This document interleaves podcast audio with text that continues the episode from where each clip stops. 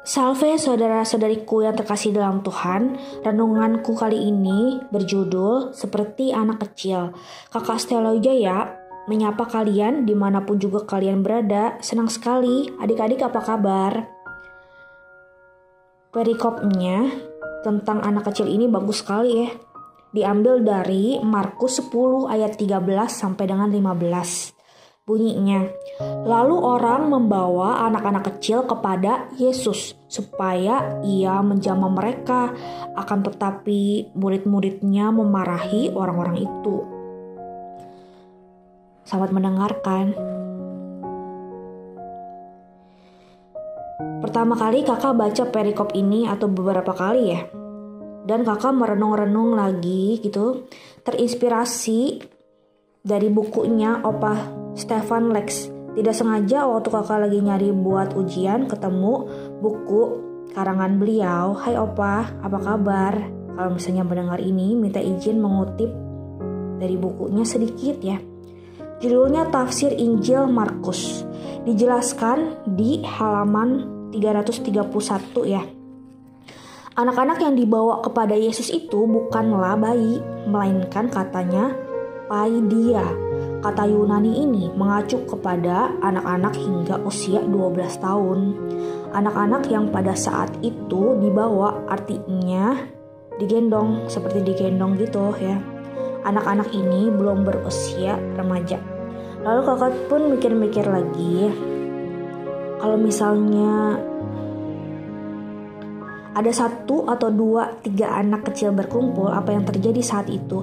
Yesus itu kan tokoh pahlawan, tokoh yang inspirasional sekali, pengajar yang ulung, pengkhotbah yang ulung juga. Kalau misalnya mengajar dengan penuh wibawa dan juga penuh kuasa, apa yang terjadi ketika anak-anak kecil itu datang menghadap Tuhan Yesusnya itu? Atau misalnya mereka mau minta berkat atau minta apa ya? Atau ingin bersalaman atau apa? Pasti terjadi sesuatu apa mereka teriak Tuhan Yesus apa mereka berteriak atau memanggil-manggil atau gimana ya? Terjadi peristiwa tertentu bisa dibayangkan kan adik-adik sekalian? Bagaimana kalau misalnya kalian dalam posisi anak kecil di konteks ini kalau bertemu dengan Tuhan Yesus apa yang kalian mau ungkapkan atau sampaikan? Apakah hanya meminta-minta aja atau berterima kasih atau bersyukur atau minta tolong atau misalnya malah takut dimarahin karena kamu anak yang bandel, jangan begitu ya. Ayat 14. Melihat hal itu, Yesus marah dan berkata kepada mereka, "Biarkanlah anak-anak itu datang kepadaku, jangan halang-halangi mereka, sebab orang-orang seperti inilah yang memiliki kerajaan Allah." Nah, bisa juga kalian bayangkan kalau misalnya Tuhan Yesus menemui kalian secara pribadi sekarang ini, menjamah hati kalian, mengunjungi hati kalian dan ngobrol dengan kalian. Tuhan Yesus misalnya ketemu kalian itu baik atau marah atau misalnya menanggapi atau cuek atau pura-pura nggak tahu. Kalau misalnya anak yang baik pasti Tuhan tanggapi dengan baik juga ya kan. Nah kita tidak bicara tentang itu. Ayat 14 konteksnya ya kan. Yesus marah. Marahnya ini kenapa? Pasti ada pemicunya kan. Menurut bukunya Opa Stefan Lex, tidak jelas mengapa murid-murid Yesus bersikap demikian, tapi yang jelas bahwa ada sesuatu nih, ya kan? Murid-muridnya Tuhan Yesus itu mencegah anak-anak datang kepada Tuhan Yesus dengan menghalangi mereka. Kejadian sebelumnya pernah ada eksorsis yang tidak sekelompok dengan mereka sehingga dihalangi untuk datang kepada Tuhan Yesus untuk mencegah hal-hal yang tidak diinginkan kali ya. Bagaimana reaksi dari Tuhan Yesus setelah peristiwa dihalang-halanginnya anak kecilnya datang kepadanya? Tuhan Yesus marah. Marah ini kenapa ya? Coba mikir-mikir lagi dan jawab masing-masing dulu. Marahnya ini pasti ada alasan namanya juga kata marah di Injil Matius, Markus, Lukas, Yohanes apakah banyak disebutkan Yesus itu marah? Ada berapa kali kata marah di Injil? Coba kita pikir-pikir lagi. Dan cari sendiri jawabannya kakak juga nggak terlalu tahu kalau misalnya kakak nggak tahu jangan dibilang jangan usah ngomong ya nah kalau misalnya Tuhan Yesus marah karena ya kalau menurut yang kakak renungkan lagi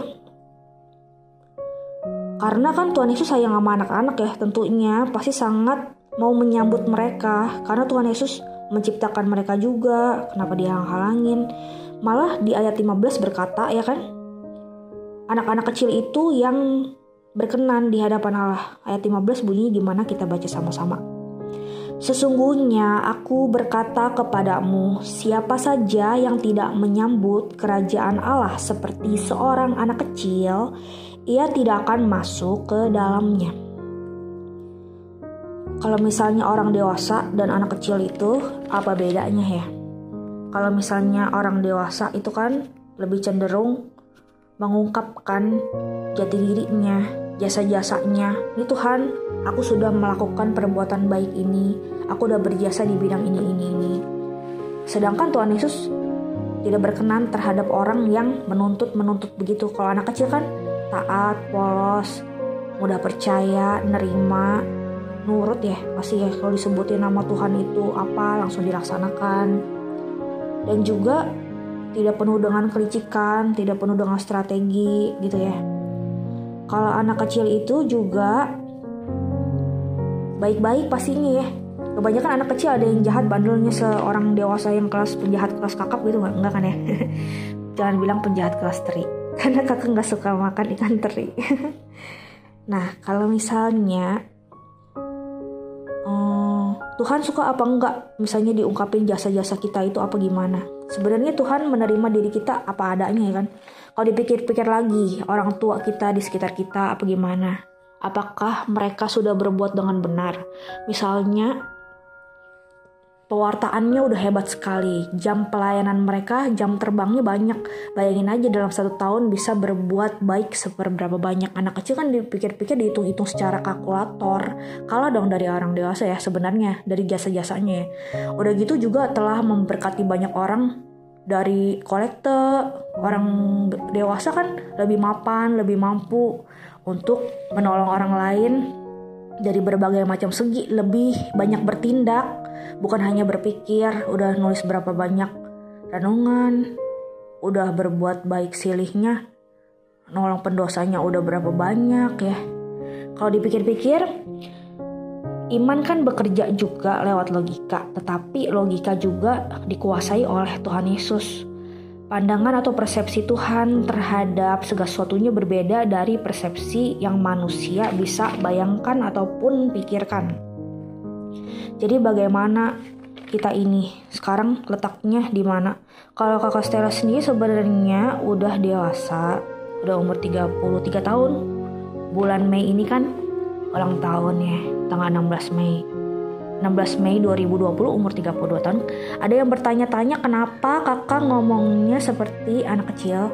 Sebenarnya kakak punya alasan sendiri bukannya sok-sok imut ataupun sok-sok baik gitu. Tapi dasarnya emang suaranya modelnya kayak gini. Udah gitu kakak juga sangat amat menghargai. Eh bukannya kakak sih maksudnya. Sangat amat suka dengan sifat yang tidak dibuat-buat, yang tulus, kejujuran gitu. Karena kalau misalnya berurusan dengan orang dewasa yang ngejelimet, ruwet, cerewet, aneh gimana gitu. Tapi kita nggak bilang aneh sih. Kita bilangnya setiap manusia itu unik ya. Bukannya kakak lebih belain anak kecil dibandingkan orang dewasa. Tapi orang yang seperti anak-anak itu mungkin lebih berkenan di hadapan Allah. Amin. Biar anak-anak datang kepadaku. Itu sabda Yesus dia memanggilku. Kini aku datang siap mendengarnya. Kini aku datang Yesus memanggilku. Nah nanti bait keduanya kita bisa nyanyi sendiri di rumah ya dari buku Puji Syukur. Puji Syukur itu nomor 338 judulnya Biar Anak-anak Datang Kepadaku. Terima kasih banyak sudah mendengarkan. Sampai jumpa di renungan berikutnya. Sampai semuanya.